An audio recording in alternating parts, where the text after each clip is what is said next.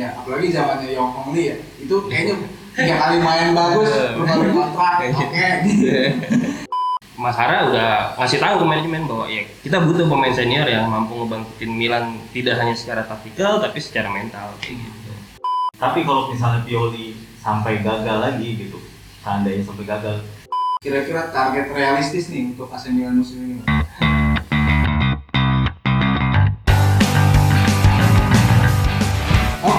Balik lagi di Calcio dan kali ini kita ditemani oleh teman-teman dari Bundesliga Indonesia. Wis. Puncak dunia, puncak dunia. Ada Bang siapa nih? Dean. Ada Bang Dean dan Bara. Bara. Ditemani Mas Adit. ya Oke nih, ini Milo nih performanya lagi oke lah untuk awal musim ini nih. Tuh. Termasuk salah satu tim dari lima liga yang hasilnya selalu menang Mas, ya. dari Iya. empat pertandingan awal ya. mm, Dan ini mungkin kalau dari sejarahnya berapa terakhir tahun berapa? Mas? zamannya Capello kayak tahun 95 96. Oke. Dan nah ini kita langsung tanya nih ke teman-teman Milanis di Indonesia nih tentang performa Milan saat ini. Masih apakah ini udah puncaknya atau kira-kira ini masih bisa lagi nih kayaknya? Ya, kalau menurut gue pribadi sih ya kayaknya masih bisa naik lagi ya. Karena kalau dilihat dari performa di musim baru ini sebenarnya kalau dilihat lebih teliti eh, 11 pem- 11 pemain yang selalu diturunkan itu belum pemain terbaik semuanya gitu kan. Kayak di dua pertandingan awal eh, sorry beberapa pertandingan awal main tanpa kapten diganti oleh Gabia. Iya. lalu setelah Gabia absen karena covid ditutup sama Romagnoli ada juga di tengah-tengahnya Zlatan juga harus kena covid jadi harus nggak main. Lalu di tengah-tengahnya lagi ada Rebic yang udah pas di inti terus dia cedera nggak main lagi. Jadi sebenarnya dari berapa pertandingan? 7 atau 8 pertandingan Milan di musim ini sebenarnya itu eh, tidak pernah sekalipun Milan bermain dengan 11 pemain utama di musim lalu. Yang musim lalu dari beri covid sampai akhir musim nggak pernah terkalahkan kan ya. Nah eh, yang yang yang jadi perubahannya eh, faktor uniknya adalah ya Alexis Saelemaekers berhasil menggeser Samu Castillo yang di musim lalu menjadi pemain inti. Sekarang justru Alexis yang performanya makin meningkat. Itu sih. Jadi masih ada kemungkinan Milan masih akan naik lagi sih performanya sih kalau menurut gue Karena winning timnya tuh belum komplit kan? Iya menurut gue itu juga sih. Karena dan ya ditambah lagi kedalaman skuadnya juga lebih bagus dibanding musim lalu kan gitu kan Kema- ah, akan punya Brahim Diaz sebagai penggantinya di kiri juga pack banget ada Leo ada Rebic ada Hoge yang kemarin baru golin gitu kan Hmm. itu juga bagus banget dan di kanan ya ada Alexis ada Samu bisa Prunik juga ditaruh di sana jadi kedalaman skuadnya emang oke sih jadi masih ada kemungkinan Milan bakal naik lagi Menurut Bara gimana? Eh, di sektor depan aja sih yang masih agak maksudnya ini performa memang benar kata tadi potensinya masih bagus banget kalau misalnya semua yang yang tadi tim inti tadi bisa main bersama tapi kalau Januari Milan bisa dapat eh, yang bisa backup Ibra secara kayak gitu itu atau Colombo makin lama makin bagus Hmm. itu sih bakal bakal makin moncer sih Milan sih harusnya musim ini Jadi Mas Adit ya? Iya, setuju. setuju sih. Tapi paling eh, apa namanya yang mungkin patut diwaspadai dikit sih ya itu eh, kalau misalnya emang Ibra dan Calhanoglu itu absen kalau dua-duanya. Kalau kemarin itu salah satu kan Ibra absen, Calhanoglu masih main. Nah kemarin Calhanoglu absen, Ibra yang bisa nutup gitu. Masalahnya kalau dua pemain ini absen paling itu yang menurut gue yang bisa berpotensi untuk apa sedikit ngeganggu keseimbangan tim gitu. Nah ini kalau ngomongin transfer kemarin nih bisa dibilang beberapa pemain inceran beneran datang gitu loh. Mungkin ada beberapa yang memang nggak jadi gitu mas ya. Ya kayak Bakayoko gitu. Nah, tapi ini kan statusnya beberapa pemain yang pemain-pemain muda justru malah kayak dari dia tuh kan cuma dry loan yes nggak ada opsi beli. Dan itu berarti kan cuma ini buat mainin buat satu musim doang. betul Nah kira-kira kalau boleh ngasih rapor nih untuk bursa transfer kemarin tuh Oh, gue tetap masih eh, nilai yang bagus ya, Tuj- tujuh setengah ke delapan lah ya di antara itu. Karena sebenarnya eh, transfer yang dilakukan oleh Milan memang sebenarnya tepat guna gitu menurut gue. Karena eh, pengganti Bonaventura ada di Ibrahim Diaz gitu kan. Ada di Ibrahim Diaz lalu eh, pemain-pemain yang- pengganti Biglia ada di Tonali gitu kan. Jadi eh, menurut gue sih eh, transfernya memang tepat guna gitu. Dan untungnya di dan menurut gue pembelian terbaik musim lalu ya selain Ibrahim Diaz yang sekarang sudah kelihatan ada Simon Kier juga yang berhasil dipermanenkan. Ya itu eh, menurut gue ya sama kayak waktu balik belakang kayak Juve nemuin Barzagli lagi gitu. Nah menurut gue ini kasus yang eh, case yang hampir bisa dibilang mirip ya walaupun belum dibuktikan dengan gelar gitu kan. Tapi solidnya sama gitu di usia yang sudah eh, melewati masa emas reborn lagi di Milan gitu kan. Nah menurut gua eh, eh, itu udah bagus gitu. Paling kurangnya memang yang masih gua bingungin tadi sempat disebut sama Mas Adit gitu kan ya eh, mungkin Milan gagal beli Bakayoko gitu. Walaupun saya dulu memang gua nggak setuju cuman setelah melihat Milan di sampai pertandingan kemarin melawan pertandingan terakhir em, kurangnya gue masih bingung kenapa kita tidak Milan tidak ngotot beli gelandang gitu. Karena yang dilihat dari beberapa pertandingan kemarin eh, justru Kronik yang digadang-gadang sebagai gelandang untuk eh, menggantikan Casey justru tidak pernah dimainkan di posisi itu gitu. Kronik kadang-kadang bisa ditaruh di kiri, ditaruh di kanan, bahkan kemarin ditaruh di posisinya Calhanoglu gitu, ditaruh posisinya Hakan. Itu kan jadi catatan tersendiri gitu, apalagi di dua gelandang jangkar yang di biasa diisi Casey sama Benacer eh, cadangannya otomatis hanya Tonali di situ gitu dan menurut menurut gua eh, minusnya hanya di situ sih kayak gitu. Kalau kegagalan ngedatangin center back lagi untuk pelapis Romagnoli gimana? Eh, setelah melihat penampilan Gabia kemarin ya, eh, gua rasa tidak tidak banyak penyesalan tidak berhasil membeli center back gitu kan. Apalagi kan sebenarnya ya ah, masih ada Duarte, masih ada Musacchio yang November kayaknya sudah mulai main lagi gitu kan. Jadi ya menurut gua apalagi eh, sekarang klub-klub Eropa juga terus dihantui oleh FFP kan gitu kan. Apalagi Milan juga belum punya ya kita tuh belum punya stadion sendiri eh, pemasukannya juga otomatis berkurang karena covid kan. Jadi menurut gua eh, apalagi target eh, target-target yang kemarin diincar kayak Simakan terus eh, Ozan Kabak lalu siapa lagi?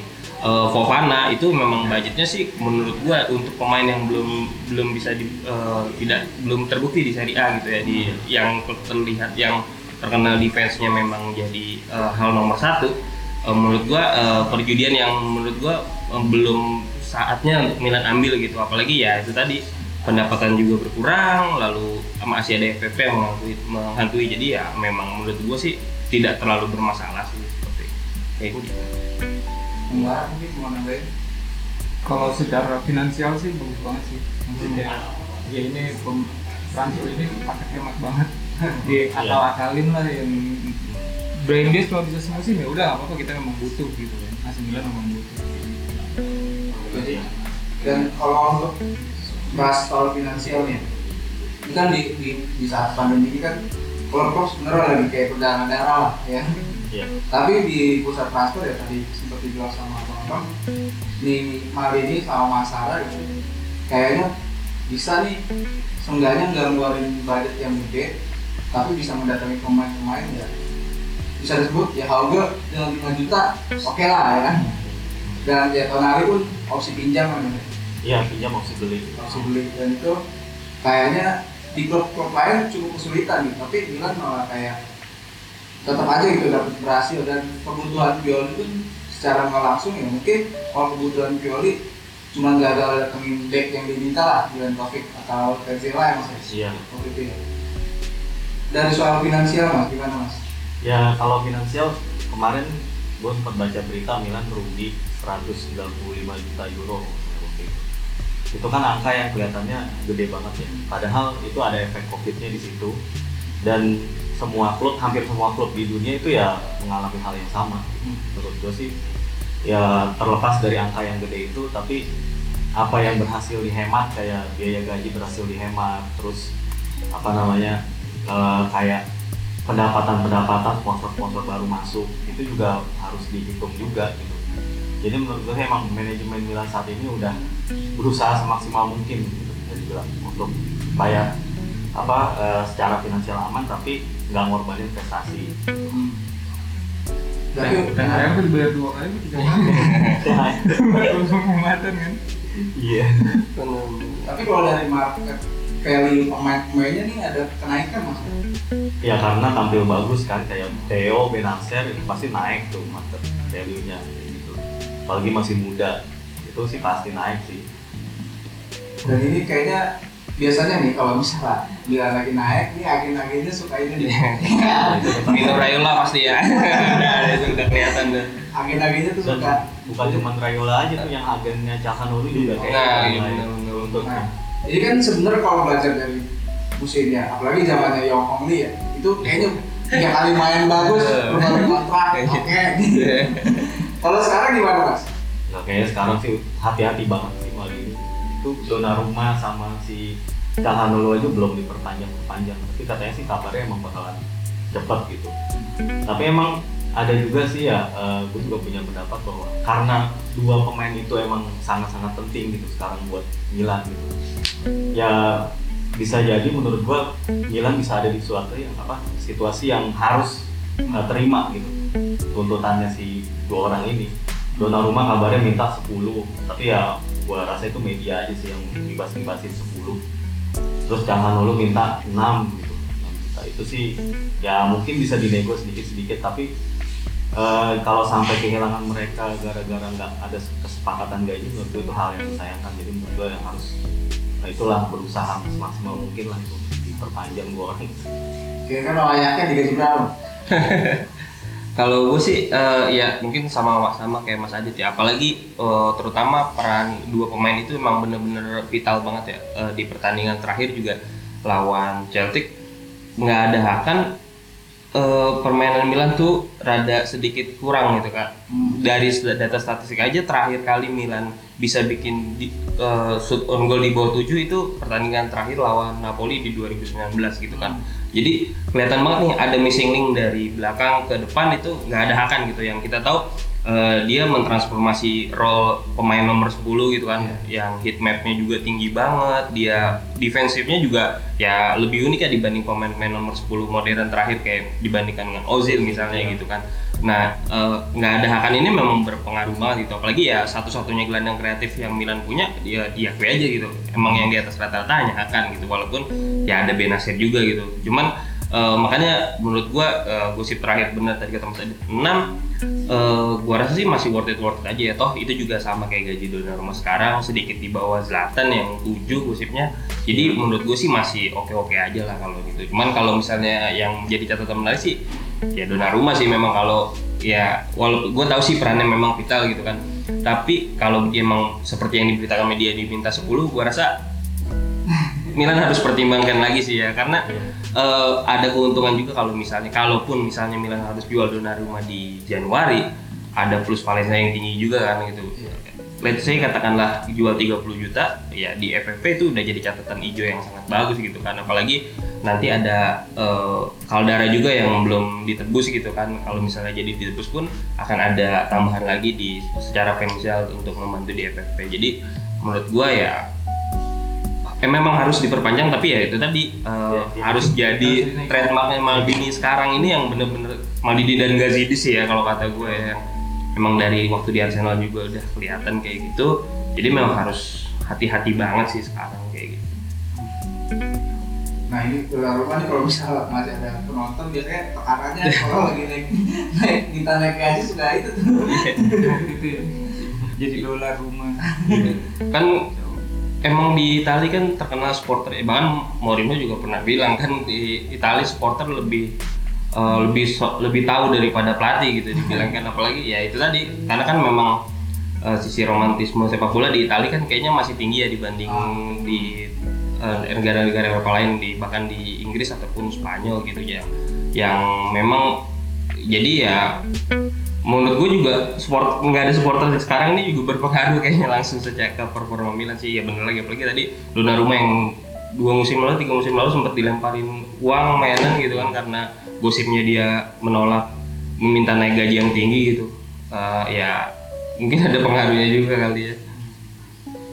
Nah kalau misalnya ada yang bilang apa ini sebenarnya apa ya 50-50 sih sebenarnya karena pas naik pas lagi lagi apa kejadian pandemi gini nih Milan terus makanya naik ya kan. Tapi kalau misalnya kita lihat lebih dalam gitu kan ada transformasi formasi ya yang dilakukan sama Pioli dan itu pun berjalan bareng gitu ketika Ibra datang. Nah ini ada kekhawatiran apabila Ibra misal udah pensiun atau selesai kontrak gitu, ada beberapa pemain yang tadi performanya ya biasa-biasa aja terus Ibra datang kayak sebut aja Hakan. Hakan sebelum Ibra datang kayaknya performanya nggak sebaik sekarang kan. Terus ya beberapa pemain kayak Casey itu mungkin Samu bahkan itu kan ikut naik ketika Ibra datang mungkin mental nah ter- apa antisipasinya kira-kira harus kayak gimana? Eh, menurut gua eh, Maldini dan kemarin sebenarnya jasa beban juga ya datangin Ibra ya. Eh, udah dengan datangnya Ibra menaikkan performa Milan, datangnya Simon Kier juga tidak bisa dipungkiri gitu. Itu sih udah menurut gua udah statement yang baik untuk manajemen gitu bahwa eh, yang tadinya arahnya mau ambil Ragnik untuk arah meremajakan Milan seutuhnya gitu tanpa ada pemain yang berumur seperti Kier dan Ibrahimovic lalu ada Ibrahimovic yang ternyata performanya eh, eh, berpengaruhnya tidak hanya di se- segi taktik tapi juga di segi mental pemain Milan gitu kan. Gua rasa eh, kalaupun memang gosipnya bahkan sekarang lagi negosiasi kontrak juga kan gitu antara Maldini dan Raiola sekaligus Ibra dan Donnarumma gitu kan. Nah menurut gua itu bisa jadi patokan sih. Eh, performa Milan saat ini eh, pasca istirahat Covid kemarin eh, menurut gue bisa jadi patokan gitu untuk Maldini, Masara dan untuk bicaralah ke Gazidis atau Scaroni sekalian atau Elliot sekalian bahwa eh, kita nggak cukup nih hanya dengan mengandalkan pemain muda, toh buktinya ada di Ibra dan Kier gitu. Jadi gua rasa itu hal yang mungkin akan pas, pasti akan di lebih di apa ya lebih diutamakan sih di saat nanti mungkin Ibra nggak mau lagi perpanjang kontrak gitu. Dan sebenarnya ada keuntungan juga Ibra di Milan ini. Kayaknya saat pertama kalinya Ibra balik klub ya hanya ke Milan. Dan dulu juga dia di musim per- di awal pertama kali main di Milan juga udah bilang bahwa ada kemungkinan saya pensiun di Milan karena dia ngefans banget kan sama Milan karena waktu muda dikasih video sama Capello gol-golnya sama Van Basten gitu kan.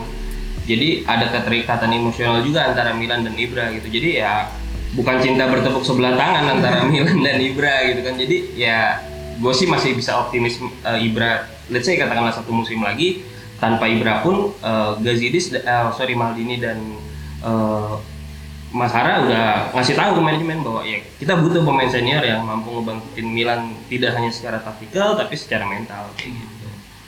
Jadi harus ada antisipasi dong misalnya. Yes, Ibra. betul. Nah nama-nama yang kira-kira nantinya buat pengganti Ibra ada nggak? Messi loh Messi. Messi udah tua ntar Milan mas Kalau sekarang kalau yang nyamain dia kayaknya belum ada deh kayaknya. Cuman ya seiring waktu kan Leo juga masih di bawah eh, di bawah pantauannya dia lah gitu loh. Colombo ada, Leo ada walaupun secara eh, skill dan permainan memang berbeda gitu kan ya. Eh, tapi ya pasti ada bakal ada sisa-sisanya sih. Ya jangan sampai kejadian di 2012 ditinggal Ibra sama Thiago Silva Milan jadi tim semenjana gitu beli Pazini beli segala macam gitu.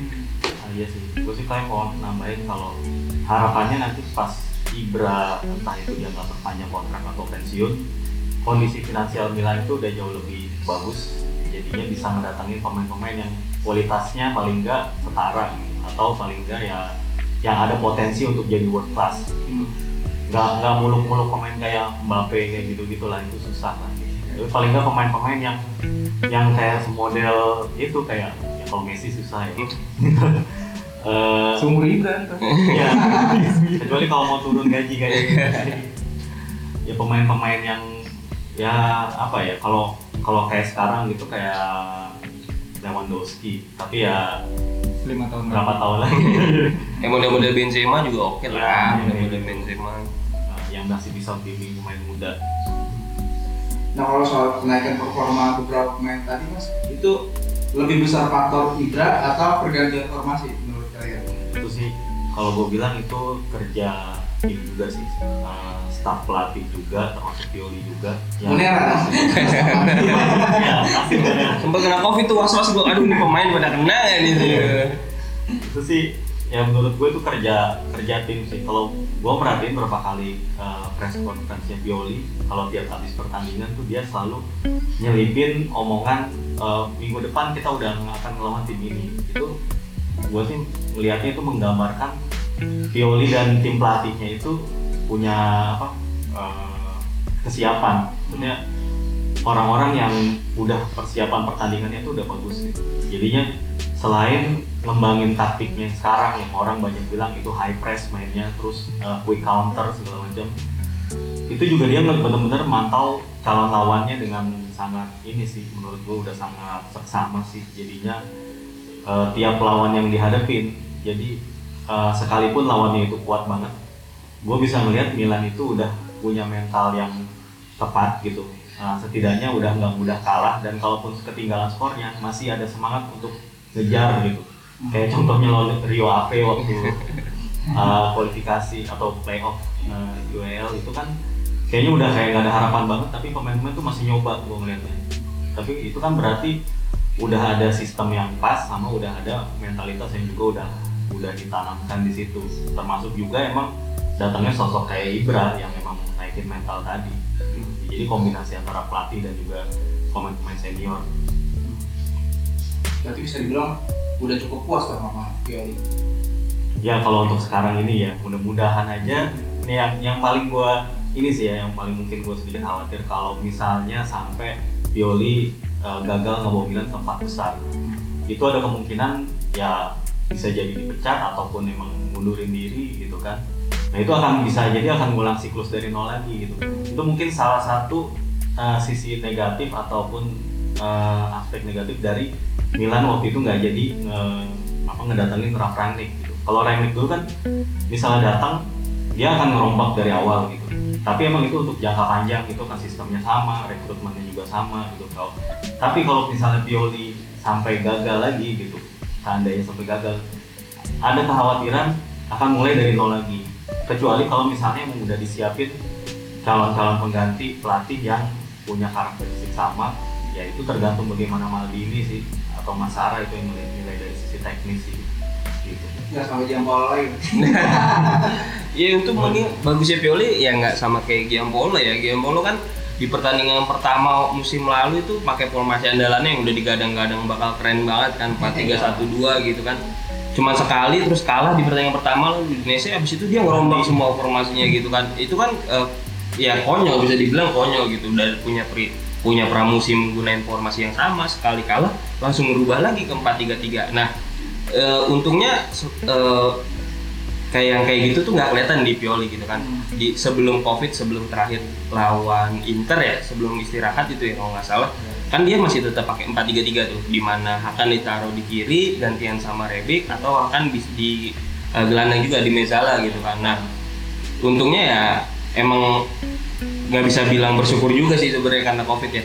Tapi setelah covid eh, Pioli mau mengubah cara bermain Milan gitu dengan mengakomodir pemain-pemain yang mungkin sebelumnya tidak ada di posisi terbaiknya gitu kan. Kita lihat bisa dari tadinya Casey dan Benacer di eh, Benacer di Regista, Casey di Mezzala terus mereka berdua berubah jadi dua pivot yang kuat gitu dan akan dikembalikan di posisi naturalnya. Iya. justru itu jadi malah jadi sekarang titik kunci Milan itu utamanya emang sebenarnya kalau menurut gue ya di gelandang tiga itu gitu kan.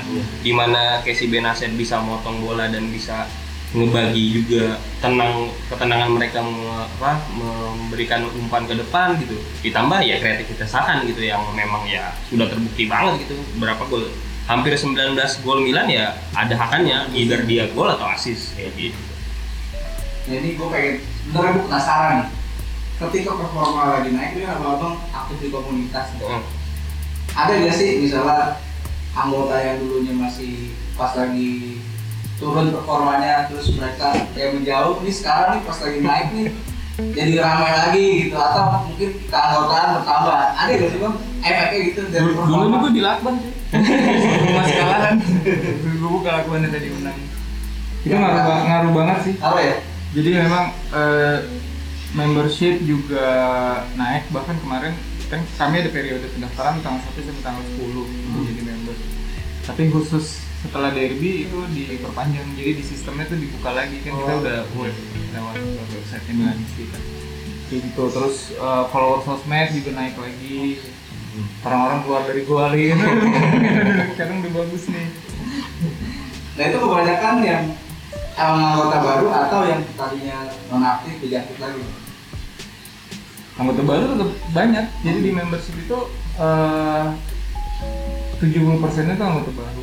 30 persen perpanjang. Terus mungkin yang mereka belum jadi member baru follow follow dulu. Hmm. follower sosmed ngaruh banget. IG itu kemarin kayaknya sebulan terakhir itu gopay lebih deh naiknya. Karena gue lihat di sosmed kayak Marcel aja. Euforia Eh, baru ini ya baru jadi dia. Iya, dia baru jadi kita apa maksudnya jadi bergabung dengan keluarga Milanis Indonesia. Setelah itu dia post. Nah untuk khusus yang post repost story dia doang itu lumayan naik memang. Bisa tuh malam itu follower ya. Mudah-mudahan terjadi. Mereka tergugah buat jadi member kan. Berarti untuk regenerasi Milanis di Indonesia termasuk nggak khawatir lah ya? Untuk regenerasi keanggotaan dengan anggota-anggota baru ini. regenerasi fans nggak khawatir tapi regenerasi regenerasi pengurus itu masih tanda tanya. Karena tetap ada generation gap ya. Jadi kalau buat ngurusin ya buat